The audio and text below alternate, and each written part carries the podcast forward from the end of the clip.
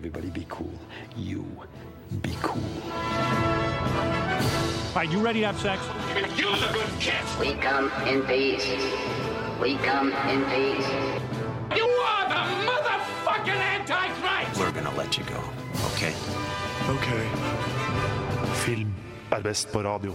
I'm gonna make him an offer he can't refuse. Nova Noir.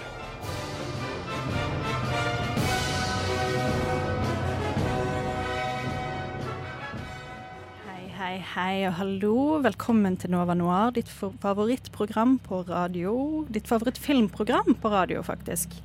Eh, I studio i dag så er det meg, Hanne Marie Nord, og med meg så har jeg Hanna Holm Aune. Hallo, hallo, god morgen. Og så har vi Ina Elisabeth Sletten, Hei, hei. som også styrer teknikken i dag. Jeg må bare komme med et lite teknisk eh, poeng, og det er nemlig at vi har glemt å skru av aircondition. Ja, Så den durer Oi. litt i bakgrunnen, så hvis dere har lyst til å gå og trykke på den knappen Hanna, den jobben får du. Eh, og så kan jeg fortelle Ja. at denne uken så er det endelig, etter mange utsettelser, premiere på Christopher Nolans nye film 'Tenet'. Den har jo blitt eh, utsatt og utsatt og utsatt, men nå, endelig, så som traileren påpeker, så kommer den 'Where Theaters Are Open'. Og det er jo litt eh, flaks at det er i Norge så er kinoene åpne.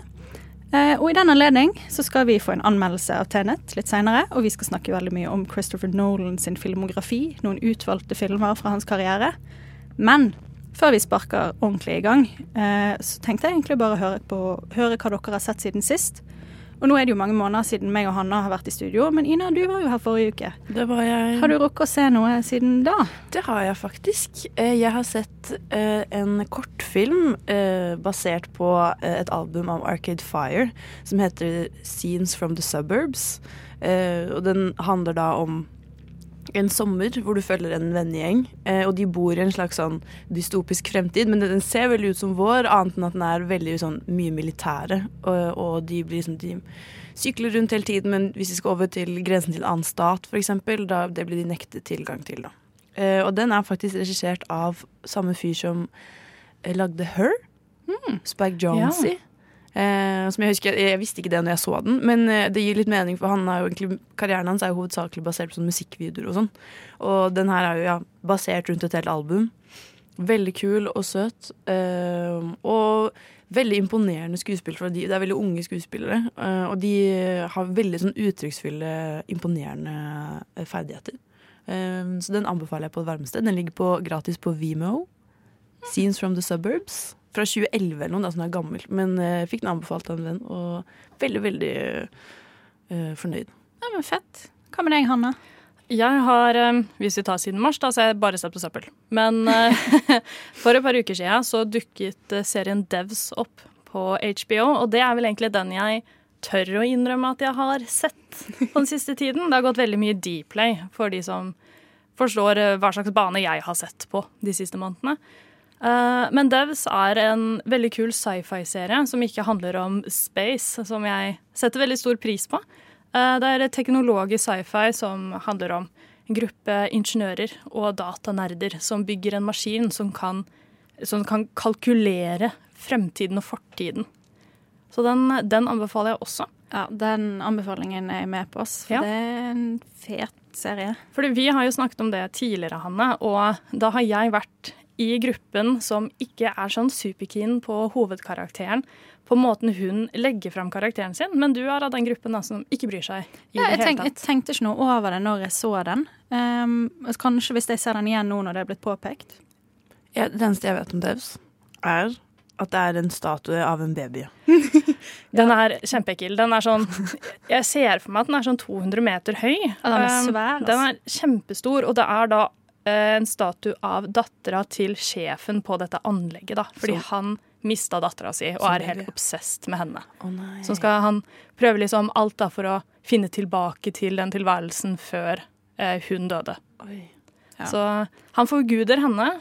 Litt sånn ekkelt. Og jeg kan ikke se for meg hvordan det er å komme til arbeidsplassen din, og så er det liksom en 200 meter statue av sjefens datter. Bare sånn på plassen. Ja. Med sånn stort auditorium bygga rundt og Ja, og jeg tror selskapet er oppkalt etter hun datteren også. Det er så det er ganske Men det er jo ikke veldig sentralt. Altså sånn for hvordan Devs oppleves eh, som serie? da? Nei. Den, eh, den blir intens veldig fort, og den tar en del eh, svinger som man ikke ser komme, da. Ja. Nei, anbefales. Den ligger altså på HBO. HBO Devs. Jepp. Eh, jeg har også sett en serie som ligger på HBO, som akkurat jeg tror denne uken kom med siste episode, for de som ikke er heldige og får ting tidlig, sånn som jeg av og til får. I May Destroy You, eh, som er laget av Michaela Cole, som også spiller hovedrollen. Og eh, den, det er en skikkelig, skikkelig sterk serie. Vond og fin, og jævlig og fin, på en måte. Og den handler om Arabella, som er eh, forfatter. Hun holder på å skrive sin andre bok. Og så blir hun dopet ned og voldtatt. Eh, og så er det på en måte hvordan livet hennes og vennene hennes blir påvirket i etterkant. Og handler egentlig veldig mye om sex og samtykke, og vennene hennes opplever ting som er i gråsonen, og som er rett ut voldtekt, men ikke blir tatt like alvorlig, eksempel. Um, bare kjempeinteressant. Og så er den satt til London, og bare liksom masse sånn nattelivet der. Veldig, veldig kul og fin og viktig serie. Det er et tema som har blitt tatt opp eh, også forrige uke. Så var det jo eh, en som snakket om at de hadde sett eh, NRK sin nye dokumentar innav, Nei, den nye episoden er Mm. innafor om sex og samtykke. Mm, ja, veldig sånn i samme spor, bare i en fiksjonsserie. Eh, Den er også basert på hun Michaela Cole sin egen opplevelse av å bli voldtatt. Ja. Så ja, veldig sterk. Kult. Mm. Yes, Men uh, da tenker jeg at vi kan høre en liten låt, og så sparker vi i gang med Christopher Nolan-tema. Du hører på Nova Noir. Who do you think you are, anyway? Answer me, or I destroy you. Det var Last Links med Uni Alone. Og nå tenker jeg at vi hopper rett inn i det vi er her for i dag, nemlig å snakke om Christopher Edward Nolan, som ble født i London i 1970. Eh, og han studerte faktisk litteratur på University College London, og der møtte han sin kone Emma Thomas, eh, som Ja, de giftet seg faktisk i 1997, og i eh, 1998 så kom Nolan sin første langfilm eh, som konen hans faktisk var produsent på. Og hun har vært produsent på alle bortsett fra én av filmene han har regissert siden den gang. Og det er ikke så ofte vi hører om. Hvilken da? Eh, eh, en av de mindre kjente hun ikke har vært med på. Jeg tror faktisk det er en kortfilm også, den hun ikke var med på. Dette skulle jeg ha fact-sjekket. Du stiller for vanskelige spørsmål, Line. Beklager, beklager. Men eh, ja, altså Og så har jo Nolan jobbet veldig tett med broren, Jonathan Nolan, som er manusforfatter, og blant annet eh, skrev de Interstellar sammen. Og Jonathan er jo også en av skaperne bak Westworld, så rimelig talentfull gjeng, dette her. Men jeg lurer på hva, er- hva er deres forhold til Nolan og filmene hans, egentlig? Christopher Nolan dukket først opp hos meg en, en sen sommerdag når jeg var på hytta, og vi, jeg og en venninne vi fant en DVD, visste ikke hva det var, puttet den inn i DVD-spilleren, og det viste seg å være The Prestige. Jeg var ni år gammel, ble vettaskremt, um, og i tillegg så skriver Nolan uh, Eller filmene hans er skrevet på en sånn måte som gjør at du, du skal ikke skjønne hva som skjer, og du faller jo inn i en historie der som egentlig på en måte forventer at du Eller som ikke legger opp til at den skal forklare deg hva som skjer. Du bare faller rett inn i hverdagen til noen mennesker. Og som ni år var ikke jeg vant til det. Eh, og ble da mer og mer skremt og mer og mer forvirra. Og kunne ikke engelsk og prøvde å følge med, og til slutt så um, ble jeg så sliten at når den var ferdig, så var jeg bare sånn «Mhm, Takk for meg, nå går jeg og legger meg. Dette var mye å prosessere. Men jeg har jo sett den i ettertid når jeg kunne engelsk. Det var jo en fordel. Eh, og klarte å se de hintene han planter rundt om i filmene sine som gjør at man får en sånn wow-følelse på slutten. Eh, Så jeg anbefaler den absolutt på den sterkeste, og vi skal jo også snakke mer om den etterpå. Men det er den første, er den første filmen jeg kan huske at jeg har sett av han. Jeg føler at eh, jeg stadig utnytter eller melker dette emo-hjertet mitt eh, i sendingene. Men det er også fordi det var da jeg begynte å se på film. Eh, 14 år, 15 år. eh, sånn aktivt, i hvert fall. Og da husker jeg også at som den, den forutsigbare eh, 14-åringen jeg er, så tror jeg at jeg så eh, The Dark Knight eh, og, og Heath Ledger, som bare sprengte alle grenser i mitt hode. Eh, og jeg, var, jeg husker jeg var helt sånn obsessed med han, og også Christian Bale sin, uh, sin uh, utførelse av den rollen. Og da så jeg uh, Batman Begins, og så kom jo Dark Night Rises etter hvert. Men det var sånn Dark Night som liksom satte i gang sånn wow. Det er, det er Christopher Nolan, på en måte. Og etter det jeg husker, Vi skal jo snakke om alle filmene hans i dag, men han har vel elleve storfilmer Eller sånn elleve filmer, da. eh, lange filmer. Og jeg tror jeg har sett ni av de.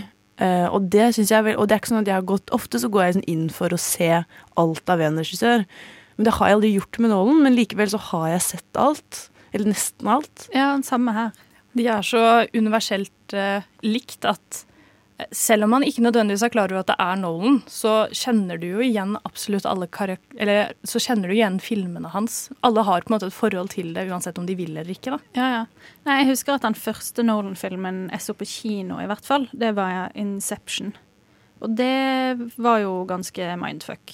Um, og, altså, jeg bare husker at jeg ble sånn veldig Jeg tror ikke jeg skjønte alt den første gangen jeg så den, men jeg bare ble veldig, veldig fascinert. Og siden det så har jeg vel merket meg liksom Nolan-navnet og gått på kino når det har kommet nye ting. Men jeg har heller ikke gått inn for å se ting, men eksempel har jeg jo sett ting lenger tilbake i katalogen, som The Prestige og sånn. Så det er interessant. Men som sagt, vi skal eh, snakke litt mer spesifikt om eh, filmene hans etter hvert, og begynne med debutfilmen etter en liten låt. Your eyes um, drift across a crowd of people, and they slowly stop and fix on one person, and all of a sudden that person isn't part of the crowd anymore. They become an individual, just like that. Just became irresistible. So you followed women. I followed anybody. I just wanted to see where they went, what they did. It was supposed to just be completely random. You would never follow the same person twice. That was the most important rule. That was the one that I broke first. That's when the trouble started. Ja, der hørte vi altså litt grann fra 'Following', eh, Christopher Nolan sin første liksom, lange film fra 1998. Eh, og denne filmen skrev, regisserte, filmet og klippet den. Eh, og budsjettet var på Jeg har lest litt forskjellig, men på ca. 3000 pund. Noen skriver litt mer. 3000 pund det er 35 000 kroner. Det er ikke så veldig mye. til, sammenligning, til sammenligning så har Tenet budsjett på altså, et sted mellom 205 og 250 millioner dollar. Ja, Det er vilt hvor mye penger du får når du er god. Ja. ja, det er det virkelig. Um, og som vi hørte i klippet her, så handler altså 'Following' om en fyr som er forfatter, eller forsøksvis, som følger etter folk bare for å se hva de gjør på. Um, og som han snakket om, hadde han regler om liksom hva han skulle gjøre, men så begynner han selvfølgelig å bryte disse, og da går det rimelig galt for han. Um, og dette er jo også en svart-hvitt film, um, som dere har sett litt av. Ja, vi fant en litt sånn um, det, det, er, det her er ikke en film som er veldig lett å finne.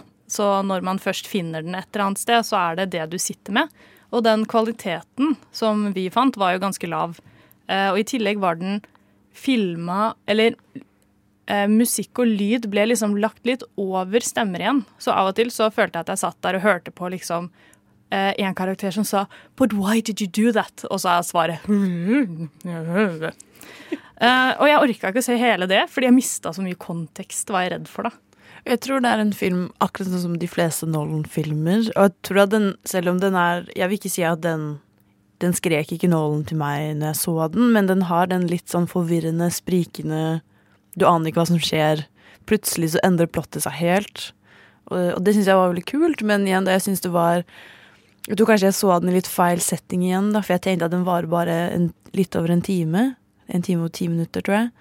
Og eh, jeg tok det litt for gitt, da, at siden den var så kort, så, var, det- eller sånn, så følte jeg ikke så mye med. Um, men igjen, da, da mis, eh, eh, undervurderte jeg min Nolan. Um, men eh, det jeg syns var, eh, var kult å se en så tidlig så tidlig preg av han, da. Ja, um, altså det, Og den bærer jo også litt preg av at han er ikke så god ennå. F.eks. Manuset er ikke like godt som i senere filmer. Det er en del sånne overtydelige replikker med sånn 'dette må vi forklare for at de som ser på, skal skjønne hva som skjer her'. Eh, og det er jo ikke et godt tegn, men sånn generelt så syns jo det Det var jo en fascinerende film. Eh, og der allerede her så leker jo Nolan litt med sånn ulike tidsplan, da. At filmen begynner med denne fortellerstemmen som vi hørte i klippet, om liksom hvor han ser tilbake på det som har skjedd i filmen. Så begynner handlingen, men så er det også en overlappende handling som liksom er, er fra litt seinere, og det ser du fordi at hovedkarakteren har klippet seg. Og så, etter at du har sett mange scener hvor han har kort hår, så får du se at han går og klipper seg, og hvorfor han gjorde det. og på en måte ja, Så allerede her så er han litt sånn eksperimentell med formen på det, da. Det er, vel det, det er vel det som minner mest om Nolan i løpet av hele denne eh, Eller hele denne filmen her òg. Og vi, vi så en, eh, en av de kortfilmene han har laget også, det året før, tror jeg. 'Doodlebug'. Kom i 1997. Var det bare i tre minutter, tror jeg. Eh, Mm. handler bare om en mann som jager Et En- insekt, et eh, insekt, på en måte. På en måte. Eller du, først en bokser. Eller sånn et insekt som hjemtrener en bokser, og så ja, bygger det seg på. Og eh, den i seg selv er også bare ti, eh, f- sånn perspektiver. Og eh, måten du ser en historie på. Eh, og det, selv om den er bare på tre minutter, så får den fram veldig mye. Mm. Eh, og det synes jeg Så han har jo åpenbart alltid hatt eh, iboende de, de, eh, de, de vi kjenner han igjen for, da, i dag. eh, siden første, de første prosjektene sine. Ja. Eh, Og Doodlebug ligger på YouTube. Og det gjør også following, men i en ganske sånn dårlig kvalitet. Og sånn Med svart-hvitt-film så syns jeg allerede det kan være vanskelig å se forskjell på folk.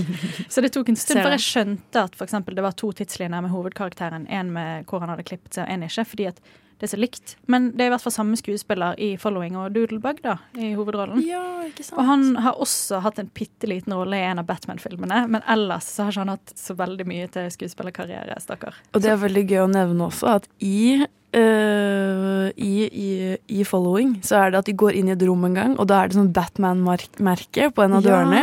Og jeg var sånn, herregud. Ja, det- Foreshadowing. Og så er det også eh, uh, visstnok en klokke som blir brukt i Following, som også brukes i Memento på nattbordet til han her eh, eh, hovedfyren i Memento. Det er veldig gøy. Men man ser jo også at fordi han bruker skuespillere, eller de samme skuespillere over lengre tid, det er jo en ting han begynner sånn for alvor med etter The Prestige. Da begynner han å plukke opp liksom karakterer som følger han igjennom hele eh, Egentlig alle filmene. Så det er veldig kult å se hvordan han liksom ser kvaliteter i skuespillere som han kan bruke på ulike måter. Sånn Mm. skuespill du får et ganske sånn intenst forhold, forhold til. Ja, for det må sies at skuespillet i Following er ganske varierende. Det syns ikke det var Jeg skjønner at ikke han Theobald James, tror jeg han heter, han som spiller hovedrollen Je Nei, Jeremy Theobald heter han. Eh, Stakkars.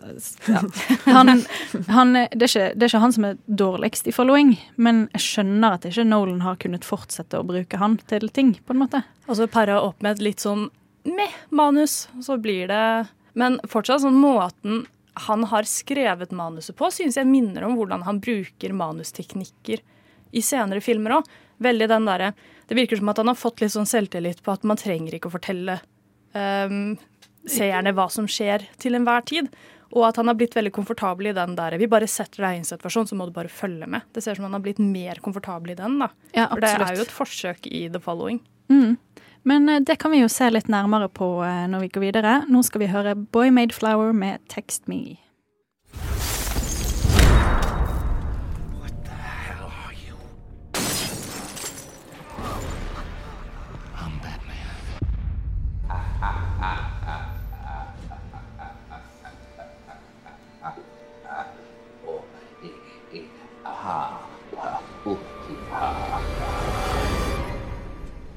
Storm coming.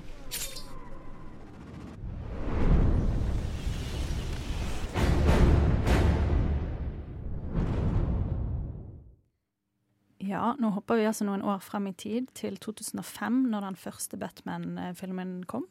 Vi har vel egentlig klumpet alle tre sammen, bare i en litt sånn generell prat om det som kanskje er de minst særegne Nolan-filmene, men fremdeles veldig gode filmer.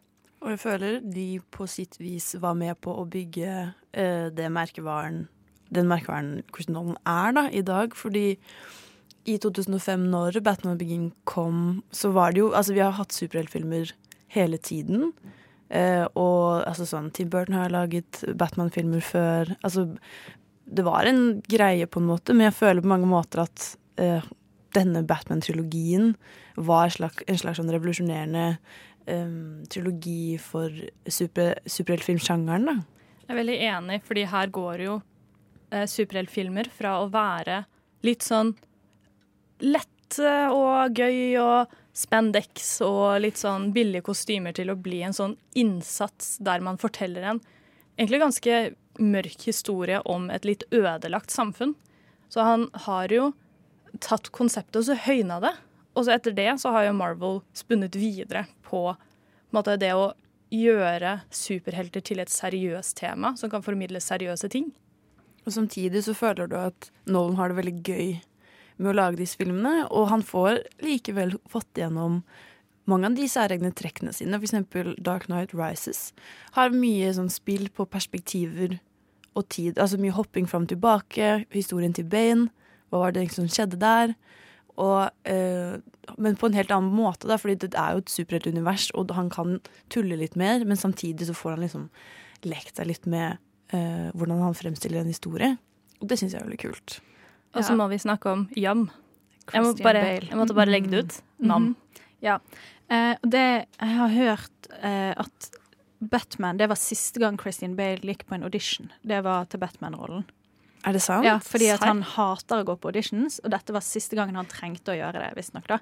Nå tar han bare sånne roller som han får, basically.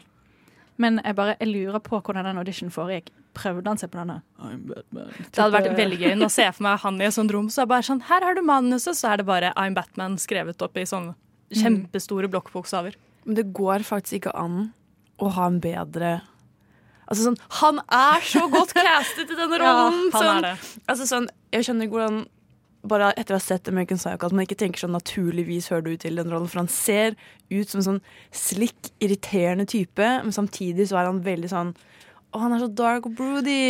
Jeg, jeg føler også at det er her man får et sånn skille i superheltfilmer om at superheltene ikke skal være en sånn karakter du skal digge uansett. Sånn, Ja, han det skal har ikke være en mange- perfekt posterboy, ja. god good guy. Fordi sånn som du sier, han er jo et rasshøl. Ja, ja, du har lyst til å slå til han. Ja, Opptil flere Du har ganger. så veldig lyst til å ligge med han, og det er det jeg syns er veldig, veldig gøy! og det er akkurat sånn jeg følte det med Joker også. Nei da. Nei da, jeg bare tuller. Begge to? Ja. Hva kunne det vært? Altså, jeg skjønner jo når man setter et utgangspunkt for dette universet, da, sånn um, Selv om man har hatt mange Batman-filmer i, ehm, i liksom, mange Batman-filmer tidligere med ulike adoptasjoner, f.eks. av The Joker, så skjønner jeg hvorfor Heath Ledger blir satt som et utgangspunkt for sånn skal du gjøre det. Og selvsagt blir jo alt som kommer etter det, kjempeskuffende og dritirriterende. Og hva i alle dager er det der for noe? Fordi han har på en måte satt et rammeverk som man ikke klarer å følge, med mindre man er Christopher Nolan. Mm. Og det er vel også her eh, Christopher Nolan begynner sin greie med å alltid kaste Tom Hardy og ta på en maske, sånn at vi ikke ser ansiktet hans. Det, vel, det var vel med Bane det startet. Der det begynte. Ja. Men det begynte vel Eller sånn Inception kom Et eller annet sted midt, midt i. i Batman, tror Ja, fordi Vent, han jeg har det her. Nei, det har jeg ikke. Bare glem det. Jeg glemte å skrive opp årstallet. Jeg tror eh, Inception kom først, og da er han jo uten maske. Og så innser han at nei, Tom Hardy, du kan ikke konkurrere med Christian Bale. kan bare være én kjekkas i denne filmen. Ja, det, det blir overload hvis Ja. Tom Hardy også skal gå rundt og vise frem det vakre ansiktet sitt. Ja. Nei, det Ja. Er, er konklusjonen at det beste med Batman er mennene? Nei, vi skal, ikke, vi skal ikke ende på den noten. Fordi jeg syns oppriktig bare at sånn Den er Det er så utrolig godt ja, gjennomført, bare. Jeg syns det er en utrolig kul måte å ta superhetsjangeren seriøst. Eh, og det er det som som begynte at at vi har Marvel sånn som det er i dag, da, og at DC gjør så dårlig fordi, fordi de har så mye å strekke seg etter. ikke sant? Men jeg føler også at DC har, har jo egentlig ikke Etter at Nolan var en sånn svipptur innom dem, så har de jo på en måte fortsatt med det de gjorde før, og det var light-hearted fun. liksom, Skal ikke være så seriøst. Og jeg føler det motsatte. Jeg føler de har ekstremt ekstremt tunge, blodseriøse filmer. Utenom sånn Aquaman, liksom. Det har jeg ikke sett av Ikke se bevisste grunner. Ikke se Aquaman. Se Aquaman på grunn av han eh, Jason Momoa. Nei, Ja, vi kan altså, ikke. Vi kan ikke ta utgangspunkt i at superhelter skal være fordi han er kjekk. fordi Ja, men Nå er vi de mennene som sitter og snakker om oss under filmen, og så får hun går naken rundt. OK, okay, men jeg kan komme med en kritikk, bare sånn sidetracking, kritikk til Aquaman. Det, det, det funker ikke. Det er ingenting av det som funker. Fordi her prøver de jo å kopiere det Nolan gjorde med Batman-filmene. Men du, Nolan hadde jo et godt utgangspunkt, en bra superhelt. Mens Aquaman har utgangspunkt i Aquaman. Ja, la oss, han- la oss bare droppe det. Jeg orker orker ikke mer eh, Aquaman. Men det var ikke- Aquaman. det- Aqu- Aquaman. igjen. Det var, det var ikke meningen å snu hele denne Batman-diskusjonen til å handle om mennene. Men det er interessant fordi veldig mange av skuespillerne Nolan bruker i Batman-filmene, kommer jo igjen i seinere filmer. Og vi skal jo gå videre etter en låt til å snakke litt mer om Christian Bale i The Prestige.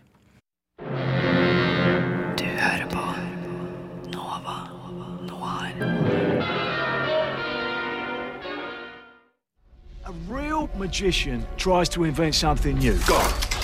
it's something that other magicians will scratch their heads over. I suppose you have such a trick. Actually, I do.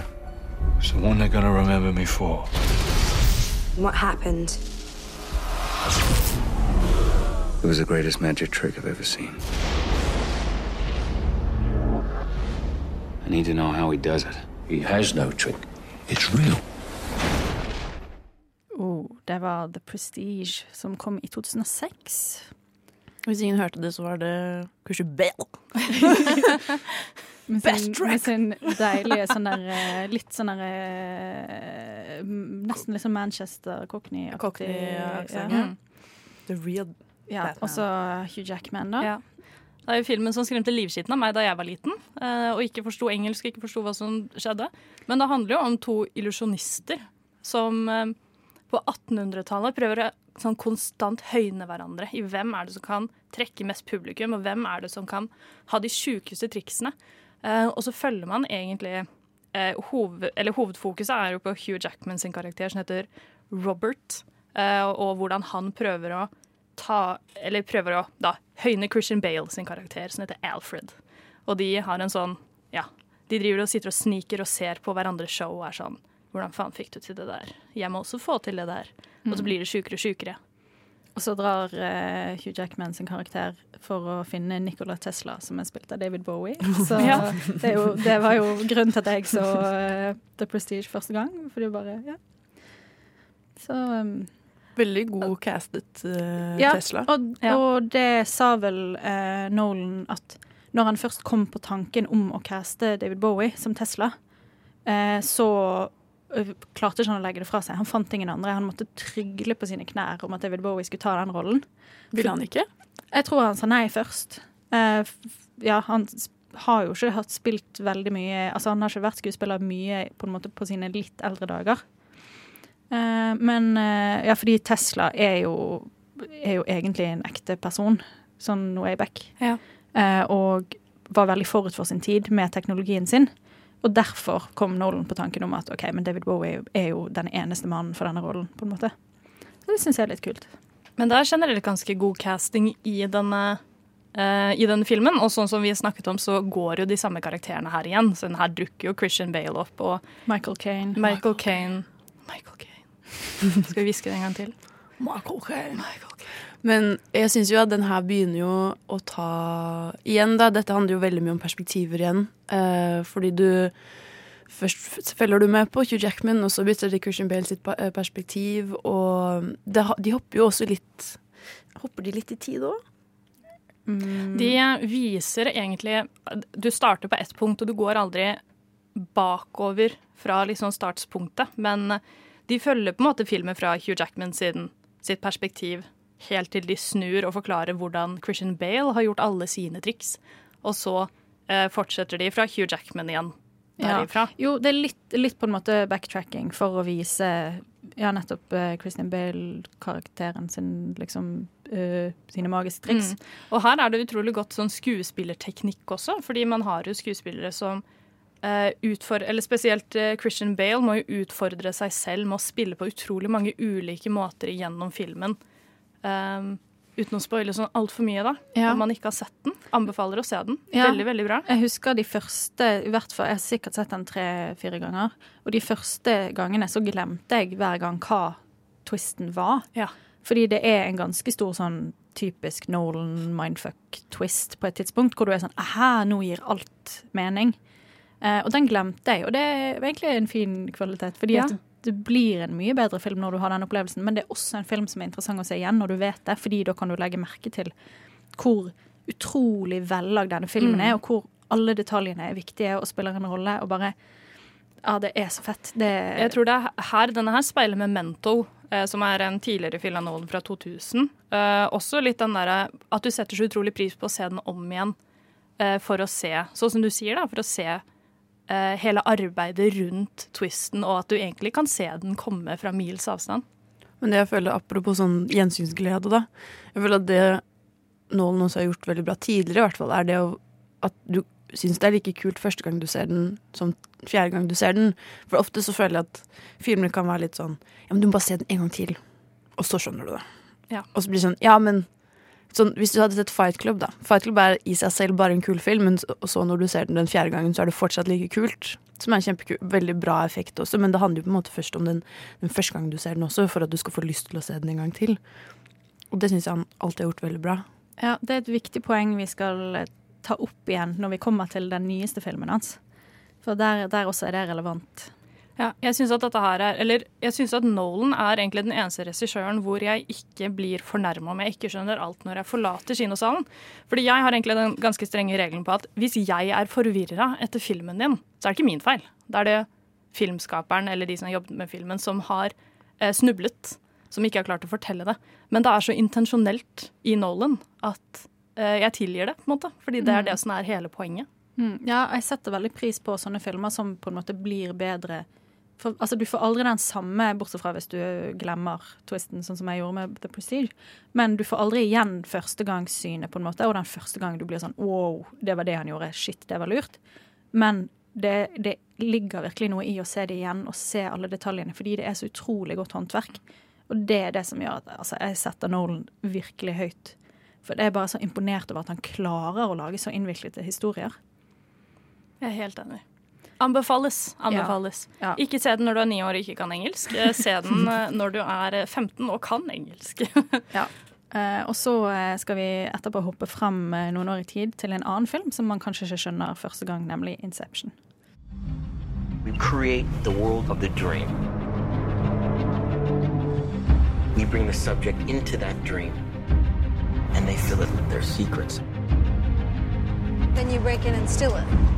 Well, it's not strictly speaking legal.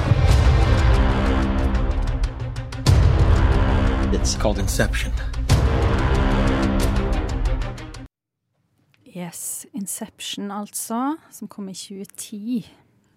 Det her er jo også en sånn film som jeg føler eh, Når den kom ut, så husker jeg at alle gutta i klassen var sånn Åh, jeg har sett Inception. Jeg skjønte den med en gang.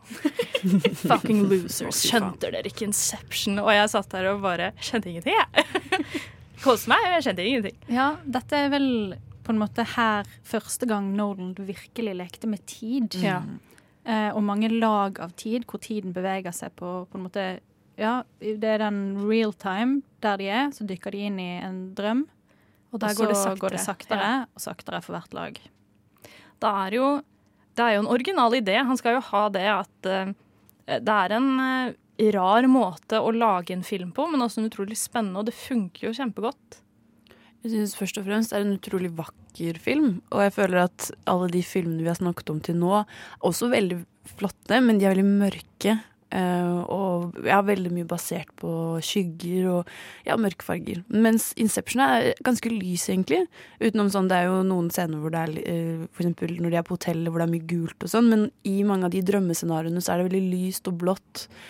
I tillegg til alle disse sjuke sånn, eh, animasjonene av bygningene, da. Mm, ja, det eneste tidligere filmen hans um, som jeg ikke har sett, men som heter 'Insomnia', og som er med Al Pacino. Som er basert på en norsk film. Ja, ikke sant? Mm. Hæ, er det det? Um, Ja, norsk film som heter Insomnia. som Ja. han har laget, eller basert den på. Mm, men den er i hvert fall satt til sånn type Alaska eh, når det er midnattssol, så den nå er veldig lys. Men utenom det så er det nok eh, sant at det er første gang det ikke alltid er natt og regn og sånt. Jeg Men- ja. Beklager. Jeg syns at um, det er her den, um, den effekten han har i manuset av å ikke fortelle deg hva som skjer når du starter, virkelig liksom slår an sånn godt for første gang. Eh, fordi man merker sånn fra starten av at eh, det er ikke meningen at man skal skjønne hva som skjer. Og jeg eh, så starten av den i dag tidlig, før jeg kom hit. Og jeg merker allerede, selv om jeg har sett den sånn tre-fire ganger, at man blir så overraska av starten. Og at den tar så mange vendinger. Og så står liksom filmen der som en sånn Skjønte du ikke det? Ha. Det er sånn det er en sånn opplevelse i seg selv å liksom prøve å henge med. Og likevel liksom dra fra, fra kinoen eller eh, når filmen er ferdig og bare tenke 'hæ? Skjønner ikke'.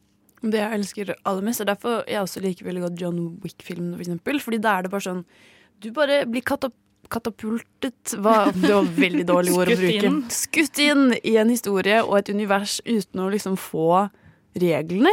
Sånn som i, Ja, det er bare sånn Dette er en selvfølge. Du kan kaste en mynt på en uteligger, og så er det en mafia, på en måte.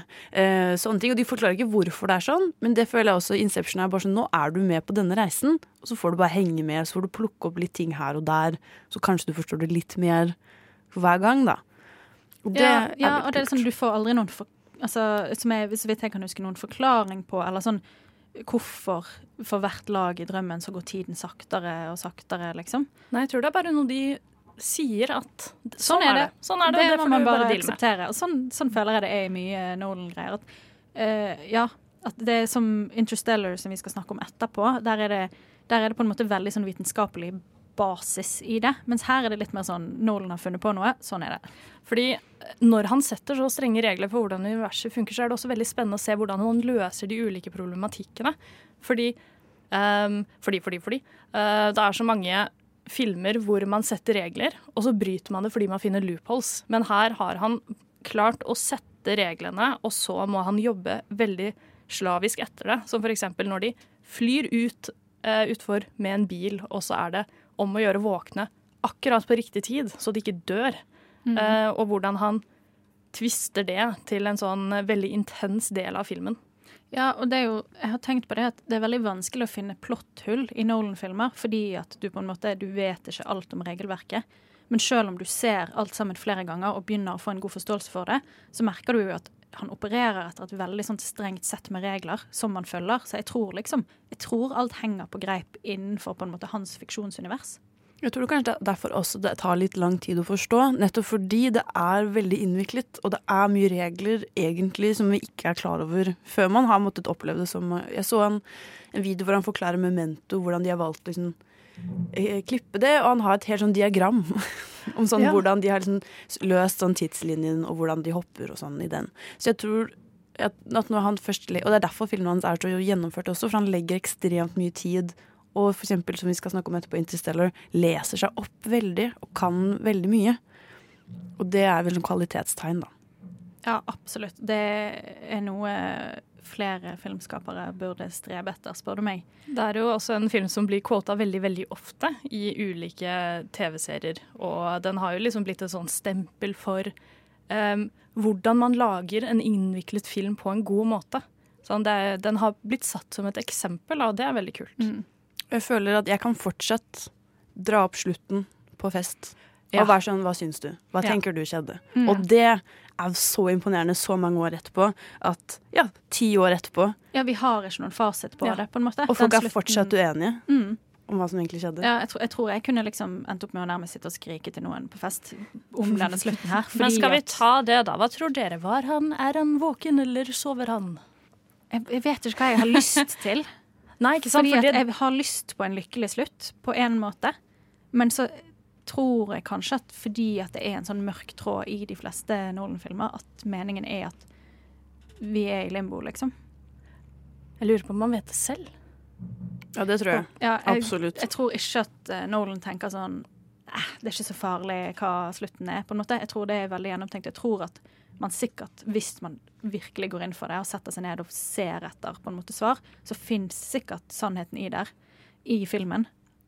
Ikke for å ta en Aksel Hennie, morden i Kongo-type ting, men jeg tror at Nolan faktisk har plantet sannheten i historien. Ja, det tror jeg. Så da er vel konklusjonen at hvis noen der ute har telefonnummeret til Nolan, så må de sende det til oss med en gang, fordi vi trenger svar. Jeg, jeg tipper at det fins 40 intervju minst på YouTube med Ja. journalister som spør så Det er, også really en, det er også en fyr på YouTube som kaller seg selv Eller han har en kanal som heter Film Theory. Og han er veldig sånn at han går veldig i dybden på liksom Prøver å finne hint, da.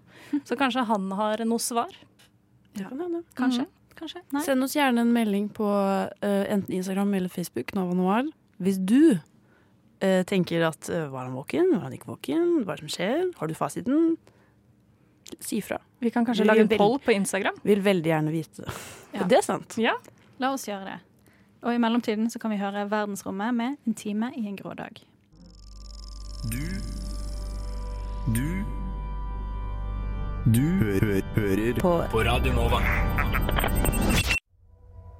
We used to look up in the sky and wonder at our place in the stars.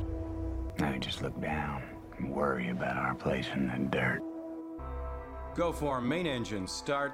T minus 10. We must confront the reality that nothing in our solar system can help us. How long would I be gone? I'm asking you to trust me. Three. Murph, Two. you have to talk to me, Murph. One.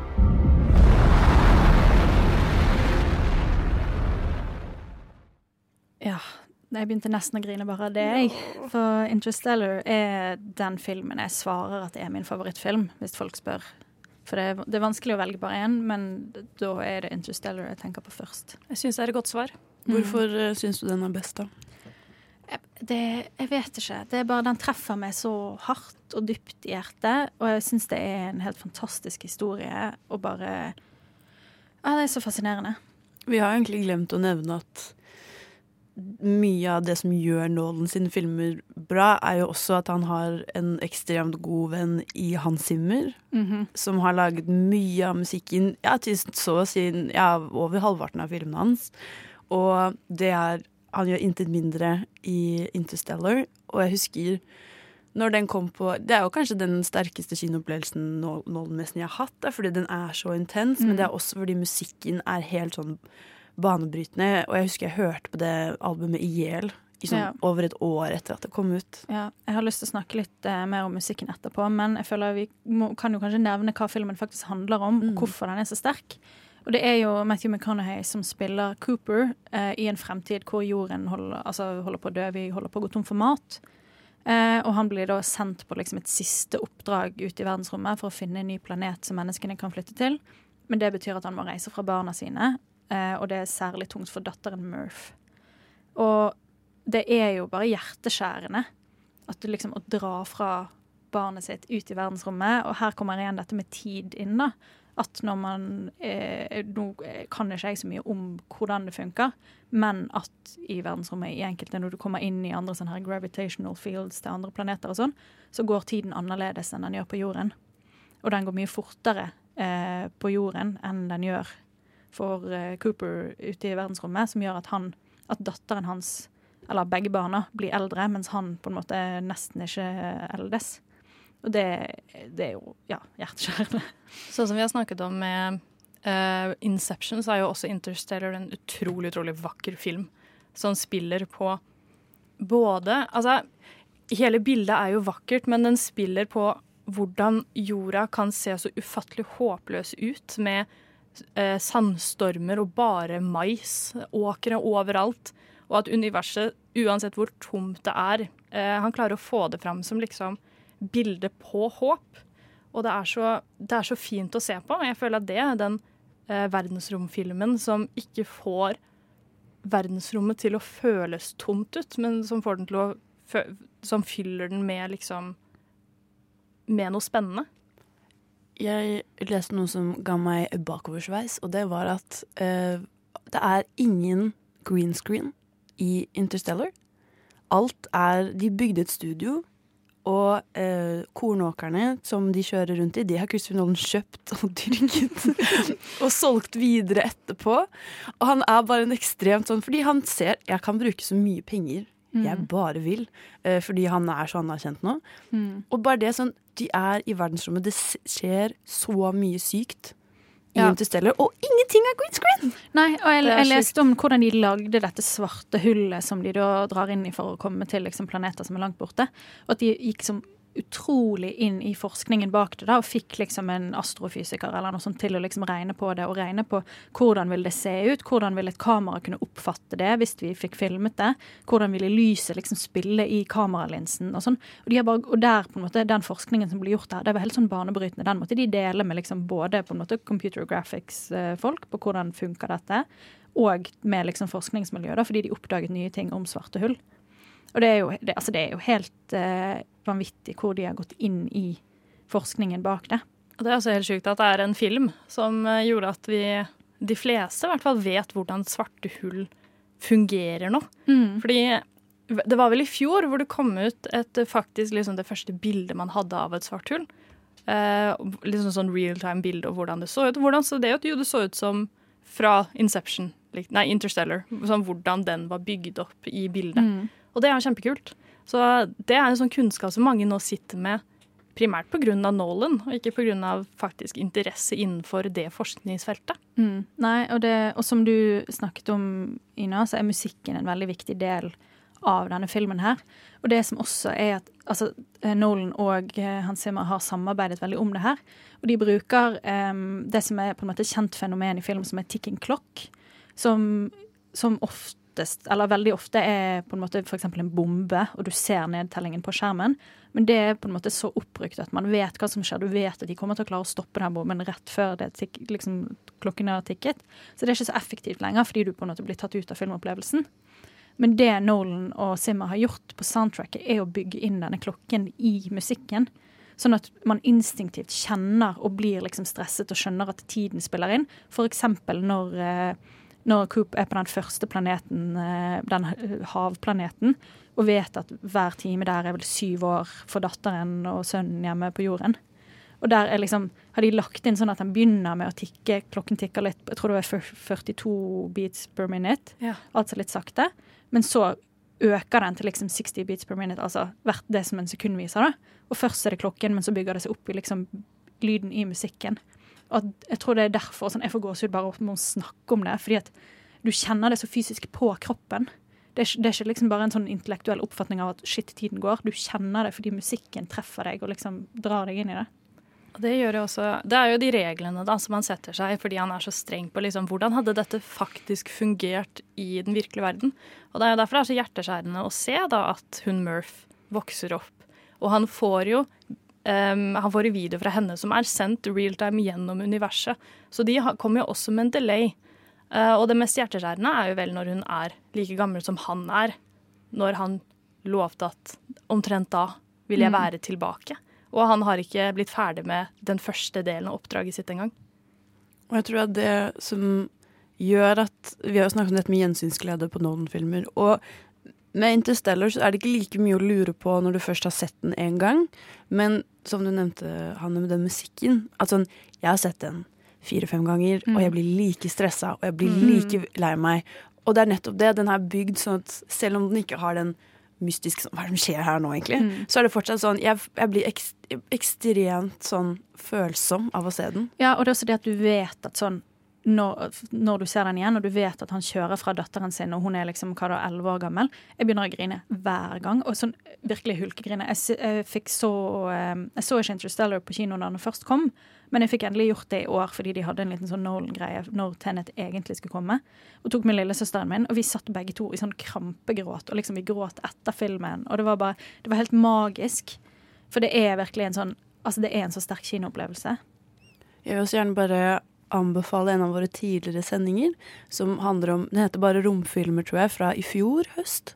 Da var jeg, Kim og Ludvig, tror jeg, hadde en sending om bare sånne filmer som handler om verdensrommet. Og da snakker vi annet om Interstellar, og får besøk av en fra Vitenselskapet, som igjen snakker litt mer om sånn um, Vitenskapen bak. Vitenskapen bak, uh, som du også snakket om tidligere nå, uh, Hanne. Mm. Men, uh, og den ligger i hvert fall i podkast-appen vår, og den er veldig kul. Og har andre spennende filmer om, om verdensrommet. Ja.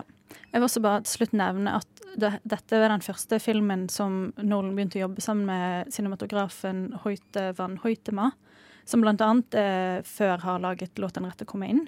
Em, og han ble nominert til Oscar for beste cinematografi, men han vant ikke. Men han jobbet også med Nolan på den neste filmen som vi skal snakke om, som er Dunkerque. Brandy, don't let me finish. It can now be heard. Okay. I'm not fucking finished in the back of the voice and the voice now. Will, I'm still not finished. Nova Noir.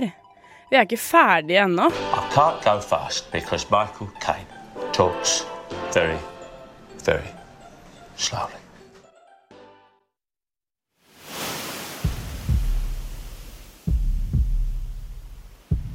Where are we going? Dunkirk. I'm not going back. There's no hiding from this sun. We have a job to do. If we go there, we'll die. Ja, Dunkerque. 2017 kom vel den i? Ja, eh, det er vel Ja, det var jo Nolan sitt for, sin nys, nest nyeste film, på en måte. Eh, og handler jo om da Dunkerque, det slaget eh, på hvor engelske soldater eh, er strandet eh, på en, en, en strand i, i Frankrike. Og det handler på en måte om Du følger på en måte tre forskjellige historier, da. Eh, og igjen, da, her er det mye klokkebruk, her er det mye perspektivbruk og hoppe i tid. Men du følger da hovedsakelig eh, en ung soldat, spilt av eh, Fion Whithead. Eh, også et, også et flott navn. eh, som er en veldig ung soldat, representerer mange av de som måtte ut i krig. Eh, og hvordan hans opplevelse Han er også på et eller annet tidspunkt alliert med Harry Styles, som har litt cameo i, i Dunkerque. Og så finner du Tom Hardy, som er, eh, sitter i cockpiten eh, i et eh, fly. Her også med maske. 90% av filmen. Ikke sant? Vet ikke hvem han er. Could have been anyone. Men han suser rundt i himmelen. Og så følger man i tillegg en båt som er på vei til stranden eh, for å redde. Fordi det blir sendt ut et signal, eller en, et, en broadcast, om at sånn Soldatene våre trenger hjelp. Uh, de, kan, vi har ikke nok båter til å hente dem. De er så åpne på denne stranda. De trenger uh, assistanse. Så da er det mange sivile som velger å reise ut med båtene sine for å redde de da. Ja, og Det som du sa om uh, Interstellar, Ina, med at det er lite green screen. Her er det også veldig lite VFX. Det er praktiske effekter eh, store deler av tiden. Hvis det er noe som sprenger, så er det som regel noe som faktisk har sprengt i filmen. Og det syns jeg, det syns du kan se, da. Og det setter jeg veldig pris på med Nolan, er at han prøver så godt det lar seg gjøre, og har liksom praktiske effekter, og få det til å funke på en eller annen måte uten at det er masse effekter. Og sånn er det jo i Tenet, som vi skal anmelde senere, at han kjøpte jo et fly bare for å sprenge det. og det føler jeg oppsummerer han så bra. Og det er som vi nevnte, jeg har sagt før òg, at sånn Han vil på ekte bare lage det beste han kan lage. Han vil ikke ha noen billige utveier. Han vil at det skal se så realistisk ut som det overhodet mulig kan. da. Mm. Og det er veldig imponerende. Og det er det jeg føler Dunkerque også er. Det er en veldig det er jo en homasj på en måte til de som døde på den stranden, og i, generelt i krigen. Um, og til å vise alle de også hverdagsheltene, da. De som dro ut med båtene sine. De som eh, prøvde å, å, hjelpe til, da, selv om det var vanskelig. Ja, og det er også litt det at du ser på en måte Du ser veldig sjelden fienden. Det er liksom ikke noen sånne typiske onde tyskere i naziuniform som går rundt og snakker om Hitler. på en måte. De er nesten ikke der. Du er bare med på en måte heltemotet da, til ulike folk. Nå må jeg være helt ærlig og si at den her har jeg ikke sett. Jeg ville se den på kino, men så gjorde jeg det ikke. Og så følte jeg at dette her var en ganske sånn stor filmopplevelse som burde oppleves på et sånn stort lerret som man bare får på kino. Men ut ifra hva jeg har hørt Jeg har hørt en veldig god beskrivelse, eller i hvert fall en beskrivelse jeg skjønte at mange er enig i. Og det er at denne filmen her, det er beskrivelsen av hvordan angst føles. Sånn, du sitter der og vet absolutt ingenting om hva som skjer, og det blir bare verre og verre. Ja, og her også så bruker eh, de denne ticking clock-greien i musikken, som også gjør at du bare du kjenner det i kroppen. Du trenger ikke å vite at de har dårlig tid, at nå er det like før de blir bombet. Du føler det. Og det, jeg husker jeg så et par klipp av den i forbindelse med sending, og bare sånn bare en fem minutter senere fikk meg til å være sånn herregud, herregud, herregud. herregud. Ble jeg så stressa. Um, og det syns jeg er veldig, veldig sånn, Han klarer det på en veldig sånn unik måte, da, og, og sånn sette en støkk i kroppen din. Ja, for det, det, er på en måte Til å være Nolan så er dette ganske, en, en ganske tradisjonell og enkel historie. Er, altså er, Historien i seg sjøl er ganske rett fram, men det er måten han forteller den på som er unik. Det er det at veldig mange andre filmskapere ville sikkert valgt å fortelle denne historien helt lineært og introdusere Fordi det er vel soldaten sin tidslinje, det tror jeg er en uke. Og så er de i båt sin tidslinje er et døgn, eller noe sånt. Eller et visst antall timer. Ja, et døgn, ja. Mens piloten sin tidslinje er bare én time. Mm. Og det er det som gjør at du på en måte ja, En vanlig filmskaper ville kanskje introdusert de på en måte når de kom inn i historien, men istedenfor så blir alt fortalt samtidig. Men jeg føler også at den her husker at jeg så den, og jeg syns jo den var helt fantastisk. Eh, og så pratet jeg med faren min, som er veldig glad i krigsfilmer. Og jeg har jo sett veldig mye krigsfilm med han. Og jeg syns at denne var, liksom, den var så annerledes, for det handlet liksom ikke om Den skulle jo vise menneskene, på en måte, men den var ikke så opptatt av selve krigen. Det handlet mer om etter, the aftermath av krig. Eller i, ja, rett på slutten. Og så jeg, fikk jeg pappa til å se den. Han var ikke veldig imponert. Oi. Og det tror jeg er fordi den er veldig alternativ sånn krigsfilmmessig, da. Fordi den ikke uh, prioriterer liksom og, liksom, fakta, kanskje. Eller sånn, den, jeg tror den er veldig riktig også, sånn sett, men det er ikke et hovedfokus liksom være nøyaktig på datoer og på hvordan ting skjedde og her og her og her. Så jeg tror uh, sånn sett at den er litt sånn vanskelig for noen å svelge. Fordi den ikke er det som vanligvis ses av krigsfilmer. da. Ja, fordi at fortellermåten er utradisjonell. Mm. Men historien er jo som nevnt ganske tradisjonell. Jeg syns også at det er ganske tøft av han å velge, eller å ta det direkte valget om at man ikke viser fienden, fordi det er jo gjerne det Det er jo gjerne angstelementet i de fleste krigsfilmer, at her kommer de. Men å bare ha det som en um, Bare fortelle at det er en fare for at Ja. de dukker opp, og så bare Sånn som jeg skjønner når dere beskriver det, bare på en måte hinter til at nå kan de komme. Jo, altså vi det får, det, blir, det er jo bombing, og det, man ser vel noen eh, Man ser fly. Ja, fly. Men er det noen eh, soldater også? De, mm, ja, eller sånn, de møter jo en fransk Ja, soldat. Det er sant. Uh, og, det synes, og det er det jeg føler er litt kult, da, fordi som du sier, det er alltid en eller annen tysker som er kjip, liksom. Men den prøver også å vise at de var også helt uskyldige uh, i denne krigen. Ja, de møter en tysker, da. Det var det jeg mente. Ja. Em, og det er, det, det, de er også bare unge gutter som ble sendt ut i krig. Eh, og du kan ikke, altså det å demonisere dem fordi de ikke hadde noe annet valg, da. Mm. Og det syns jeg er veldig viktig i sånne krigsfilmer. At det ikke blir en sånn 'vi er gode, og de er slemme'. Det handler om at alle bare var på feil sted til feil tid. Ja, og det syns jeg også er veldig fint med at på en måte det som er hovedpersonen i denne soldatlinjen, er en ukjent Jeg har i hvert fall ikke sett han i noe annet, han skuespilleren. Og det også gjør at du på en måte tenker at dette kan representere alle de unge guttene i krig. da. Og så når Harry Styles dukker opp, så blir det liksom ja, litt, litt noe annet. Ja. Men hvordan syns dere det funker? Fordi her går jo tidslinjene på sånn at noen har en uke, noen har en time, noen har et døgn. Hvordan er det det funker i sammensetningen av filmen? det, det, altså det funker veldig bra fordi at etter hvert som de kommer nærmere hverandre, og som du ser f.eks. at flyet som Tom Hardy sitter i, flyr over båten før du kommer til det punktet i Tom Hardy sin tidslinje, men du klarer likevel å følge med på hvor ting er i forhold til hverandre. Og det er jo det som er på en måte kunsten, eller det kunststykket som Nolan har klart, da. Ja, nei, fascinerende, fascinerende greier. Og nå eh, skal vi hvert øyeblikk eh, endelig snakke om den nyeste filmen Tenet. Men først Love Truls Love Truls Torn Up Dress. Nova Noir gir deg ukas kinopremierer.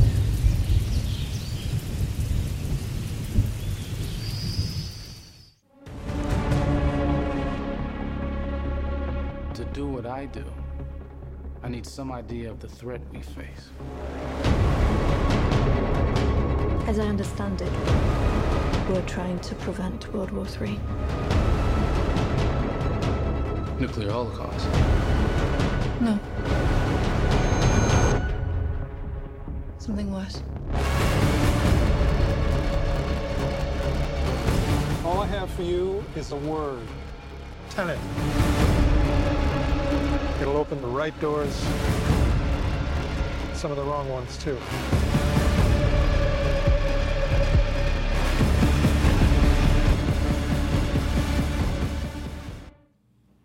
Veldig dramatisk fra traileren til Tenet der, altså. Jeg må bare si at dette var en helt umulig trailer å gjøre radiovennlig. Gjerne se den på YouTube for å få et bedre inntrykk. Jeg bare syns det er veldig mye morsomme ord her. Ja. Nuclear holocaust. World War III. Jeg syns det er veldig dra eh, dramatisk. Ja, og dramatisk det er absolutt et stikkord her. Um, det er en film som er veldig vanskelig å snakke om plottet til uten å spoile noe. Men jeg kan fortelle at det handler om John David Washington, som vi kjenner fra Black Clansman. Eh, og han spiller eh, filmen sin sånn navnløse hovedperson som bare kalles The Protagonist. Så skjønner allerede der at det er ganske dramatisk. Og under litt sånn mystiske omstendigheter så møter han på eh, Neil, som er Robert Pattinson sin eh, karakter. Eh, og sammen så skal de liksom da jobbe sammen for å avverge det som veldig kryptisk omtales som en potensiell tredje verdenskrig. Um, ja. Det er på en måte Det, er, det virker jo som Fordi Elise uh, har skrevet en anmeldelse på radionova.no. Gå inn og titt der. Uh, ikke bli like lurt som meg, uh, som når jeg så denne artikkelen første gang, for hun har skrevet Hun har skrevet tittelen baklengs. Eh, litt sånn kanskje i, i tonen av det sånn filmen også eh, oppleves. Eh, artig. Men det som liksom kommer frem her, det er at det er umulig å si så veldig mye mer enn dette før du, man spoiler.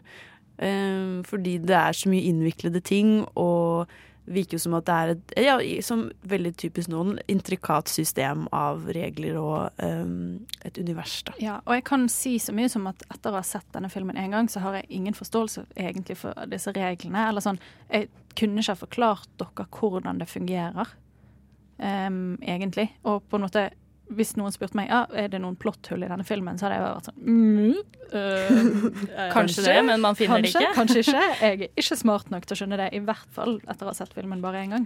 Jeg har jo ikke sett, vært så heldig å se denne filmen helt ennå, eh, men jeg har jo sett på trailerne. Og veldig mye av det trailerne baserer seg på, er jo hvordan ting skjer i filmen i feil rekkefølge. Og at det er det som At ting ikke Det er litt sånn vanskelig å forklare, fordi traileren forklarer det ikke helt sånn klart selv. Men de Trail- Nei, traileren er en god indikasjon på hvordan filmen er også. Ja. Men det Elise har skrevet, er at hun sier at dette er uten tvil årets mest intense kinoopplevelse. Eh, samtidig fordi du det er flere sekvenser hvor hun mister pusten, får frysninger eh, og bare er konstant imponert over produksjonen. Um, og det er jo filmet i Oslo, da, bitte litt på Operataket. Operataket er med i ca. to sekunder. Ikke sant. Og du får ikke vite at det er i Norge engang. Jo da. Det, Jo da, du får vite vite at det? det er i Norge. Ja, da. Men eh, det snakkes mye om eh, eh, en flyplass i Oslo. Og så eh, det flyet som så eh, famøst blir sprengt i fillebiter, eh, står det norsk freight på. Så nå har Nolan kjøpt to fly for å primært sprenge de, da. Nei, det er det samme. Ja, det han sprengte vel kanskje Ja. et fly i Dunkirk også. Eh, et lite propellfly. Å ja, ja, det jeg Men, nevnte, eh, var det at han har kjøpt mm. et fly til Tenet. Åh, OK, jeg trodde det skjedde to ganger. Nei. Never mind. Og det Eh, spøkes det også med i traileren, der eh, Robert Pattinson sier eh, The size of the plane is kind of dramatic. Ja. Men det også Elise sier, er at hun savner en slags form for emosjonell tilknytning til karakterene. Fordi nettopp som vi har snakket om nå, det er et eh, veldig mange regler, eh, mye som prates om hvordan ting fungerer, og hvorfor det er som det er. Og da får du egentlig ikke så mye god tid til å bli kjent med noen av karakterene, og spesielt siden Hovedpersonen heter jo bare The Protagonist. Du aner ikke hvem dette er. Du, noe, du får ikke noe sånn emosjonell tilknytning til noen av karakterene, eller deres dynamikk. Og det kan jeg jo forstå. Det virker som at kanskje Nolan har blitt for opphengt i at nå har han en dritkul idé, og så klarer han ikke helt å øh, todele det på at det skal være en, en fengende historie også, da. Han har jo flere filmer der man blir kjent med karakterene underveis i filmen. At man uh, sånn som i Inception, at det handler veldig mye om Leonardo DiCaprio sine barn, da, og at han vil tilbake til de. Og det føler jeg Inception gjør veldig bra. At sånn, selv om det er veldig mye rart som skjer, så får du en veldig sånn tilknytning til karakterene. Både Leonardo DiCaprio, men også f.eks. Tom Hardy og Joseph Gordon-Lewitt har blitt litt sånn ikoniske i den duoen, fordi de driver og kødder så mye Mm. og er så søte med hverandre og sånn. Og det at de har plass til det, eh, er jo kjempeimponerende. Men at kanskje han ikke har fått til det helt da, nå med Tenet. Ja, nei, det, det er jeg helt enig med Elise i. At du får liksom ikke noe særlig dyp Det er litt sånn forsøksvis med den på en måte um, The Protagonist og eh, Neil, altså Robert Patterson sin karakter, som er, blir litt denne duoen her, da. Og du skjønner liksom at det er på en måte en fin connection der etter hvert. Og så skal det være liksom noen på en måte senere i løpet av filmen som er litt sånn emosjonelle, mye står på spill, noen må redde noen andre. Men, du, men eh, på en måte jeg tror uansett om jeg ser denne filmen fem ganger til, så kommer jeg ikke til å bry meg nok om de til at jeg kommer til å grine. På en måte.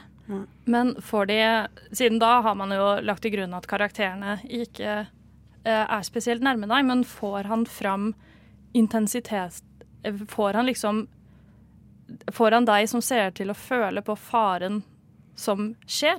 Ikke- Eller som skal være der? For min del så ikke godt nok. Det blir liksom litt sånn dette eksempel trusselen om tredje verdenskrig blir på en måte på et litt for sånn teoretisk plan. For du får bare fortalt at dette er faren, og så skjønner ikke du helt hvorfor og hvordan og hvem, på en måte. Det, men likevel så er jo actionsekvensene veldig intense, veldig kule. Og som nevnt så er jo Nolan veldig på dette med praktiske effekter fremfor uh, VFX. Uh, og jeg leste noe om at den har mindre sånne VFX-bilder enn på en måte en gjennomsnittlig romcom. Og det sier litt. Og jeg tenkte jeg bare skulle si at uh, Elise endte med å gi den her seks av ti. Og så følte jeg det passet veldig bra å runde av med å bare lese det siste hun skrev i anmeldelsen sin, for jeg syns det var veldig artig.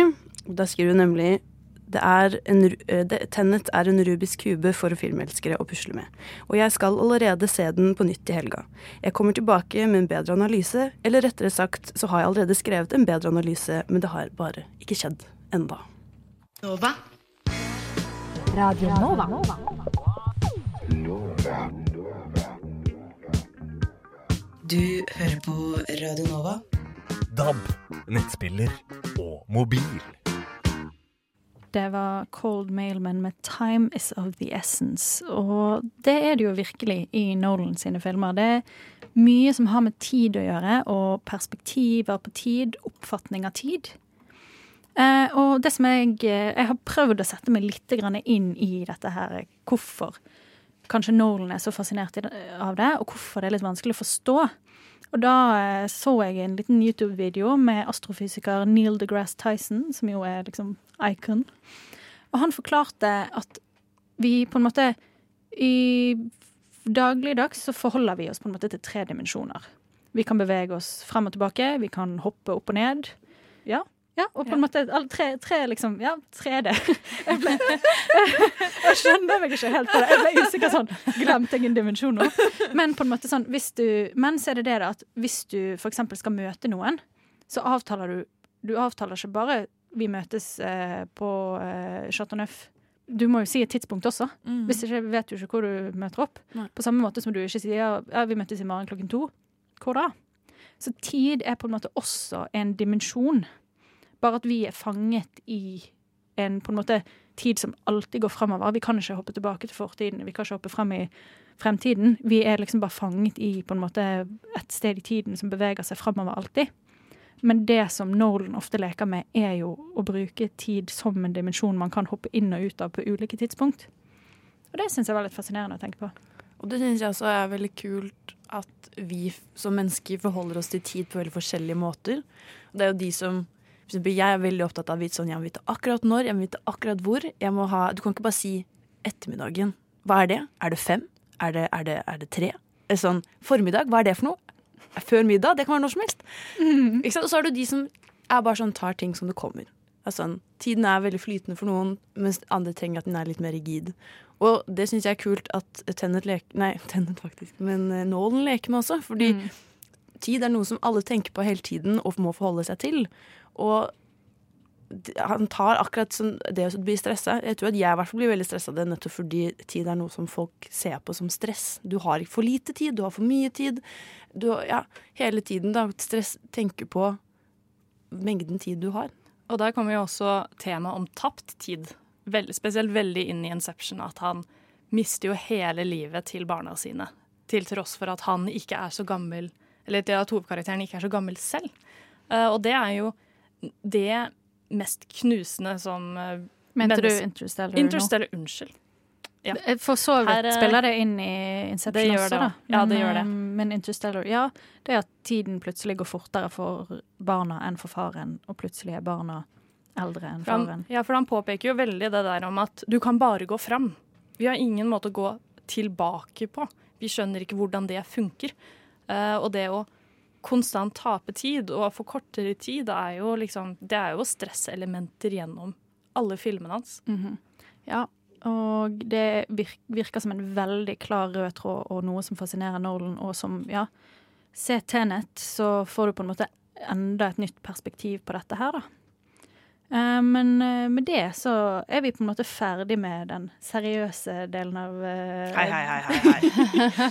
Føler du si at min kommende quiz med Christopher Nolan quotes ikke er seriøs greie? Oi, er det, er det seriøst? Er det konkurranse? Ja, du, bare, bare vent, du. OK, ja, men jeg er klar. Eh, Jeg er aldri klar. Eh, quiz kommer alltid som sånn overraskende på meg. Så om noen der hjemme har lyst til å føle seg som en bedre filmelsker enn det jeg er, så er det bare å spille med. Og så kan dere sjekke Ringen slår dere hun som blir så stressa Ja. at hun ikke husker noen ting av hva vi har snakket om den siste timen. Ja, nei, vi får skjerpe sansene og ro, eller liksom, og konkurranseinstinktet mens vi hører på Dry the River og Everlasting Light. Du lytter til Radio Nova.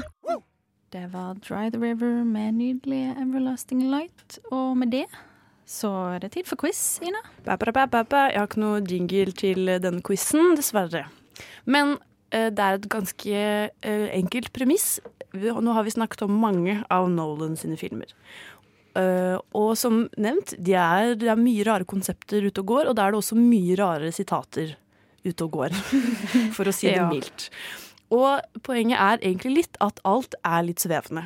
Og kunne kanskje passet inn i hvilken som helst setting, fordi du vet aldri helt hva konteksten er. Jeg er veldig forberedt på at kanskje dere kan, allerede kan disse tingene, men jeg syns det er morsomt uansett å trekke fram noen highlights eh, fra våre favoritt-Nolan-filmer.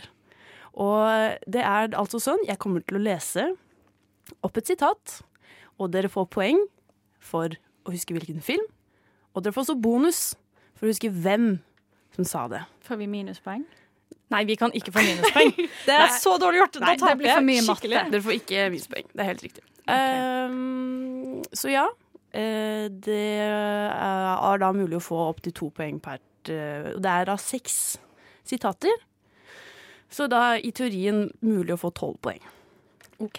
Ja. Jeg er klar. Jeg Er klar for å tape? Uh, ja. Så jeg tenker som så at um, det er jo morsommere at dere må være først ute med å si navnet deres. Oi, okay. Eller, Kanskje vi eller ja. vil dere drøfte litt? Får vi hver vår sjanse, liksom? Ja, ok, kanskje dere skal Eller- få.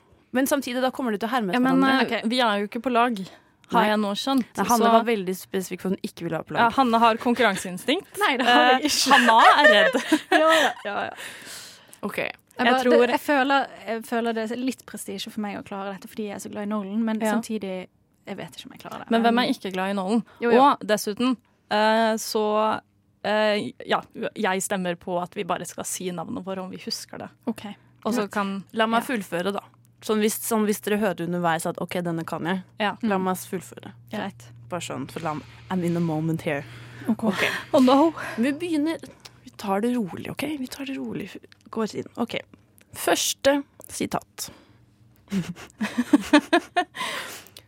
You either die a hero, or you live long enough to see yourself become the villain. Hanne. Det er selvfølgelig fra Batman. Hvilken? Oi. Jeg vet! Jeg tror jeg vet. Mm, Hanna, er det lov, eller skal du få drøfte deg fram til det videre? Si en, du må si en av de tre. um, toeren. Og du sier Jeg tror det er Batman Begins. OK. Og hvilken, hvem er det som har sagt det? Han som blir crispy. Two-Face. Nei. Nei. Jo. nei. Jeg tipper det er um, um, Nei, faen. Er det Gary Oldman sin eh, karakter? Du sier Gary Oldman? Ja. Jeg sier Two-Face. Han som spiller Two-Face? Ja. The Romans would suspend democracy and appoint one man to protect the city.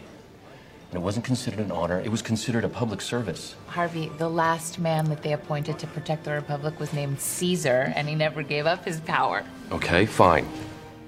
You either die a hero or you live long enough to see yourself become the villain. Og det var da eh, Dere har faktisk fått ett poeng hver. Fordi Hanna sa Batman Begins. Og det er feil. Det er Dark. Knight. Så det er toeren. Men du har helt riktig. Det er Harvey Dent som blir til Two-Face, som sier det. Så Hanne, ett poeng, for du sa toeren. Helt riktig. Jeg skal bare notere det her. Det er litt dumt at dere har samme forbokstav, men det, det får gå. OK, men da skjønner dere premisset, ikke sant? Fett. Da går vi videre på nummer to. We all need mirrors to remind ourselves of who we are. Oi. I'm no different, sier han også. Skal vi, da får vi bare Jeg, begge to jeg, tippe. Uh, jeg tror det er The Prestige. Ok, Hvem i Prestige? Um, ja, ta Hugh Jackman, da. Jeg, eh, da kjører jeg på med Inception og um, ja ja, DiCaprio, da. I have to believe in a world outside my own mind. I have to believe that my actions still have meaning, if I can't remember them. I have to believe that when my eyes are closed, the world's still there. Do I believe the world's still there? Yeah. We all need mirrors to remind ourselves who we are. I'm no different. Og dette, mine damer og herrer, er Memento. faen! Så null poeng til noen av dere. Ja, ja. For så har jeg faktisk bare sett den én gang. Jeg bare. Unnskyldninger, unnskyldninger. Her, ok, men da drysser vi på med nummer tre. You mustn't be afraid to dream a little bigger, darling. Hanne. Det Ja. må være Inception, og det er DiCaprio. Hva sier du, Hanne? Uh, jeg tar også inn Nei, vet du hva? Jeg skal bare ta noe annet for å bare være annerledes. Jeg tar Interstellar. Bare Og- fordi. Um, uh, uh, pappaen. Nå glemmer jeg å blinke seg helt på navnet. Matthew McConaughey? Ja, Ja. Matthew McConaughey. You mustn't be afraid to dream a little bigger, darling. Ah. Aha. Så aha. ett poeng til Hanne, Mm. fordi det var Inception, Ja. men det er godeste Tom Hardy som sant, sier uh, eh, You mustn't be afraid to dream a little bigger, darling. Uh, som han sier til Joseph Gordon-Lewitt. Da går vi på nummer fire. Man's reach exceeds his grasp. It is a lie. Man's grasp exceeds his nerve. Hanne. Det er The Prestige, det er David Bowie som sier Ja, du er jo så sikker at jeg sier det samme, Fordi nå trenger jeg poeng. Ja, men her var jeg først, så da, da går det til meg. Ja, ja. Ok, skal vi høre. You are familiar with the phrase, man's reach exceeds his grasp. Is a lie. Man's grasp exceeds his nerve. Society only tolerates one change at a time. First time I tried to change the world, I was hailed as a visionary. Second time, I was asked politely to retire. Nesten litt selvbiografisk eh, fra Bowie sin eh, side der, eller? Men eh, helt riktig, Hanne. Du hadde Og det var jo litt åpenbart at du hadde forstått den, da, på en måte. Men Jeg tar- syns det er urettferdig. Du kan få ett trøstepoeng, nå, Anna. Ja. Nå er det fire til Hanne og to til, ha eh, til Hanna. Ja. Så du leder godt, i hvert fall, Hanne. Ja, ja, ja. OK, nummer fem. Seeing home doesn't help us get there. Det tror jeg er Interstellar. Og? Um, han um, mm, Nei, vi sier pappaen Ma- Matthew McConaughey her. Jeg sier Dunkerque og ja, Skal vi sjanse på Harry Styles, da, kanskje? Nei, um, ja, jo da. Ja, jeg husker ikke navnet på han der eh, Han hovedduden. Du tror det er hovedsoldaten? Han main guy, på en måte? Ja. Eh, det er greit, jeg fant ikke uh, opptak av denne, uh, og det syns, jeg er nokså rart, fordi i Dunkirk så er det sånn tre setninger, og eh, det at det da ikke finnes i klipp av den ene setningen her, syns jeg er litt rart. Eh, så du hadde ett riktig poeng for Dunkirk, men det er ikke soldaten, det er han generalen som eh, sier det. Men ja, så da eh, ligger Hanne på fem poeng. Jeg vil påpeke at Hanna har ikke sett Dunkirk. Hanna vet ikke det. Nei, det Ja, Synd men for det, ja, det er vel det. OK, men da eh, er det siste. Skal vi raise the stakes, eller si fem poeng til den som Nei, Nei, ok, urettferdig. greit. Hæ, det er ikke urettferdig. OK. Mankind was born on earth. It was never meant to die here. Hanna, Hanna, Hanna, Hanna, Hanna, Hanna! Det er han uh, britiske. Nå blinksa seg navnet på i Det eh, er, Inception. det er Michael Caine som sier det i eh, Interstellar. Ja, så Svarene våre er akkurat det samme, men jeg sa navnet mine flere ganger. Ja, men du sa feil film. Du sa Inception igjen. Nei, faen! Men det mente Interstellar, så jeg tror okay. jeg vant. det. La oss bare få det på det rette her. Dere mener Michael Caine i Interstellar Ja. sier, uh, sier det. Nei, nei, nei, nei, nei. Det er McConaughey som sier det, tror jeg kanskje. Nei. Nei, fuck. Jeg vet ikke. Hallo, nå må du bestemme deg. Hva er ditt endelige svar? Michael Caine. Ja, det er Michael Caine. Ja. Dere sier Michael Caine? Ja. World's a treasure, Donald. It's been telling us to leave Ha, for a while now. Mankind was born on Earth. It was never meant to die here. Ja, jeg, var inne på det, men, Ja. eh, men greit. Ja, Men hva, hva, nå følte jeg ikke med hvem var det som var Interstellar først, egentlig. Det var meg fordi han har Det Men jeg tror jeg har vunnet Det uansett. gikk akkurat som du forventet av Hanna. Ja. Ja. OK, ja. Eh, la oss bare si da. Det ble Oi, nå, nå ligger vi veldig dårlig an. Vi har bare to minutter igjen. Ja, men eh, vi bare Oi, oi, oi. Det går fint. Men la oss bare si, da. Ha, Hanne, den som kjenner Christopher Nolan aller, aller best. Yeah, yeah, yeah, yeah. Um, og så, um, uh, Hanna, eh, Ja. kan du oppdatere oss på hvordan det gikk på vår lille Instagram? Ja, to sekunder, herregud. Avstemning. For da lurte vi altså på hva folk trodde om slutten på Inception. Sover han, eller er han våken? 56% mener at han sover. 44% mener at han var våken. Så vi går da altså for at han sover. Ja, eh, ikke bli sint eh, på oss hvis du er uenig. Du hadde muligheten til å stemme. Men Jeg stemte våken. Ja, jeg, jeg stemte faktisk ikke, eh, men jeg tror han sov. Men eh, det, dette er jo grunnen til at fått- dette er en stor eh, eh, ting å krangle om på fest. Eh, og det var egentlig det vi rakk eh, i dag. Tusen takk for at dere hørte på. Eh, som alltid en glede. Nova Noir er Nå er vi vel tilbake for fullt hver uke torsdag fra 10 til 12. Det er vi. Selv om Nova ikke har sendestart, så har vi fortsatt sendinger. Ja da. Vi koser oss med å prate om film med deg. Mitt navn er Hanne Marie Nord. I studio har jeg også hatt Hanne Holm Aune. Og Ina Elisabeth Sletten. som også har tatt teknikken for oss. Tusen takk skal du ha for det. Bare hyggelig. Så håper vi å høre, eh, at du har lyst til å høre på oss også neste uke. Og du finner oss også på podkast. Yes. Ha det bra da, gjengen. Ha det bra.